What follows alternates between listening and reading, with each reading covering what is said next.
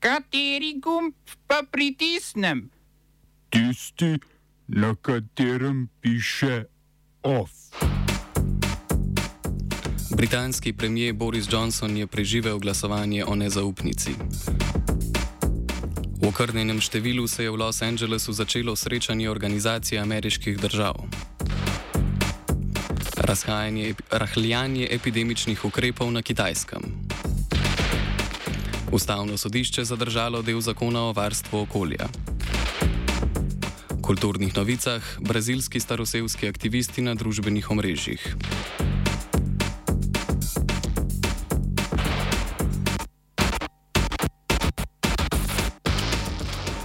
Britanskemu premijeju Borisu Johnsonu so strankarski kolegi z 59-odstotno podporo izrekli zaupanje v internem glasovanju o nezaupnici. Proti Johnsonu je glasovalo 148 od 359 konzervativnih poslancev za izglasovano nezaupnico, pa, bilo, pa bi bilo potrebnih 180 glasov proti premijeju. Do glasovanja je v vladajoči konzervativni stranki prišlo potem, ko je 54 poslancev iz vrst vladajoče stranke umaknilo podporo in zahtevalo Johnsonov odstop. V množici škandalov, ki ga spremljajo vse odkar je leta 2019 postal premijer, je bila za razkol v stranki odločilna tako imenovana afera Partygate. V času strogih ukrepov zaradi epidemije, ko je bilo za prebivalce Združenega kraljestva prepovedano druženje, so vladajoči na Downing Streetu go gostili več zabav. Johnson, ki se je za neprimerno obnašanje opravičil, je glasovanje sprejel kot spodbudno in zavrnil namige, da bo zaradi nezaupanja v stranki odstopil z položaja. Njegova predhodnica Theresa May, ki je na glasovanju o nezaupnici leta 2018 dobila za odstotek večjo podporo kot Johnson, je odstopila šest mesecev po glasovanju.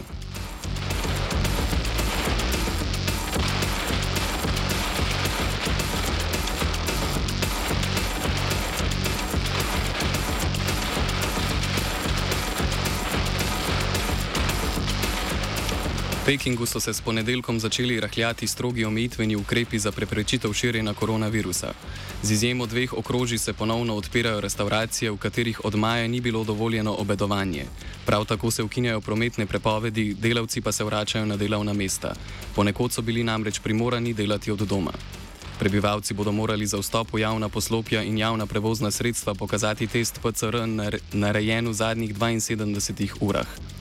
Milejši ukrepi v Pekingu, pa tudi v Šanghaju, so posledica upadanja števila okužb z omikronsko različico COVID-19.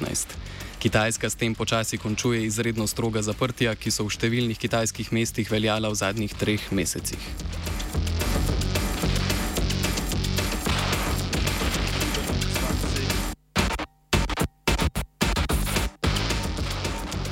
Asimi Gojta, vodja vojaških sil, ki v Maliju vladajo od vojaškega udara leta 2020, je podpisal odlog o tranziciji v civilno oblast, ki naj bi trajala dve leti. Vojska je sicer že napovedala volitve za februar, ki pa se niso zgodile. Zaradi neizpolnjene obljube je ekonomska skupnost zahodnoafriških držav proti Maliju uvedla sankcije. Malijska vojska je povdarila, da, da je sprejeti odlog dokaz, da je Mali pripravljen na dialog z ekonomsko skupnostjo in da pričakuje odpravo sankcij.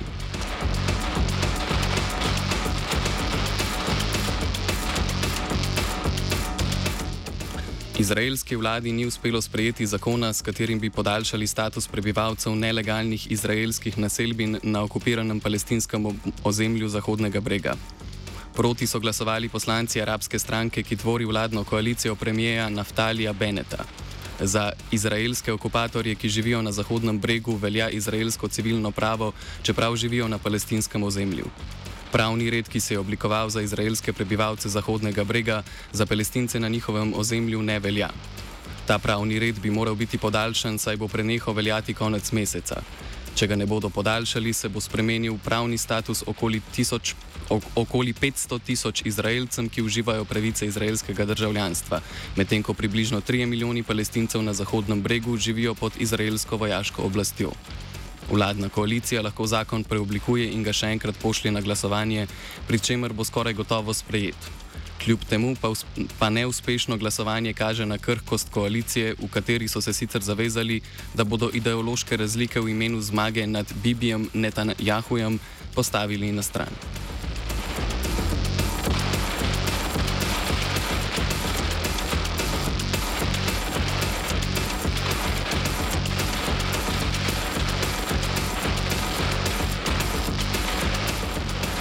Včeraj se je v Los Angelesu prvič po štirih letih začelo srečanje organizacije ameriških držav, s katerim naj bi se okrepilo sodelovanje med Združenimi državami Amerike in Latinsko Ameriko. Ameriški predsednik Joe Biden je iz tega sodelovanja očitno izključil Venezuelo, Nikaragvo in Kubo, saj njihovih voditeljev ni povabil na srečanje. Biden je naštete države obdolžil nespoštovanje demokracije in njihove voditelje klasično oklical za avtoritarne. Zaradi izključujoče poteze Bele hiše se srečanja v Los Angelesu ne bo udeležil niti mehiški predsednik Andres Manuel López Obrador. Na mesto njega bo delegacijo vodil ministr za zunanje zadeve. V znamenje protesta bo zunanjega ministra v ZDA poslal tudi Honduras.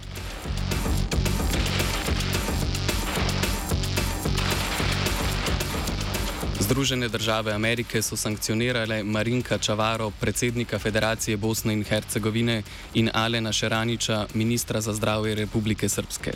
Predstavnika obeh entitet v Bosni in Hercegovini sta bila umeščena na seznam sankcioniranih tujih uradnikov, ker naj bi ogrožala demokratične institucije in mir v regiji. Čavaro od leta 2019 ne želi imenovati sodnikov za ustavno sodišče, ki jih predlaga visoki sodni in toživski svet. Šeraniču pa očitajo spodbujanje odcepitvenih prizadevanj Republike Srpske in podporo voditelju bosanskih Srbov Miloradu Dodiku. Proti Dodiku so ZDA uvedle sankcije januarja letos, po njihovo je namreč želel doseči odcepitev Republike Srpske. Šeranič naj bi Dodikove interese podpiral s podbujanjem zakona, na podlagi katerega bi se ustanovila nova agencija za zdravila izključno v Republiki Srpski. Smo se osamosvojili, nismo se pa osvobodili. Naslednje število je še 500 projektov. Izpiljene modele, kako so se strani nekdanje LDS rotirali. Ko to dvoje zmešamo v pravilno zmes, dobimo zgodbo o uspehu. Takemu političnemu razvoju se reče udar. Jaz to vem, da je nezakonito, ampak kaj nam pa ostane? Brutalni obračun s politično korupcijo. To je Slovenija, tukaj je Slovenija! Slovenija! Ustavno sodišče je soglasno odredilo začasno zadrževanje izvrševanja nekaterih členov zakona o varstvu okolja, ki je bil sprejet marca lani. Zadržani deli zakona se nanašajo na nov sistem pod proizvajalčeve razširjene odgovornosti glede odpadne embalaže, ki bi moral biti uveden z letom 2023. Kot piše v zakonu, je sistem proizvajalčeve razširjene odgovornosti sklop ukrepov, ki zagotavljajo, da proizvajalci izdelkov nosijo finančno in organizacijsko odgovornost za ravnanje z odpadki, ki nastanejo iz izdelkov. Pobudnikov ustavne presoje je bilo več, izpostavljena pa je bila družba Interseroh, ki se ukvarja s predelavo odpadkov.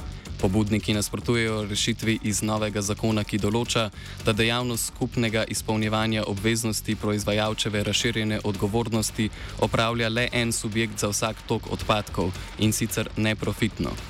Zaradi nove ureditve naj bi se poslabšal položaj podjetij, ki se ukvarjajo z ravnanjem z odpadki, po mnenju pobudnikov pa je bila kršena tudi pravica do zasebne lastnine. Zakonodajalcu se je poleg tega očitalo, da ni imel stvarnega razloga za preoblikovanje sistema v neprofitnega. OF je napisala Aida.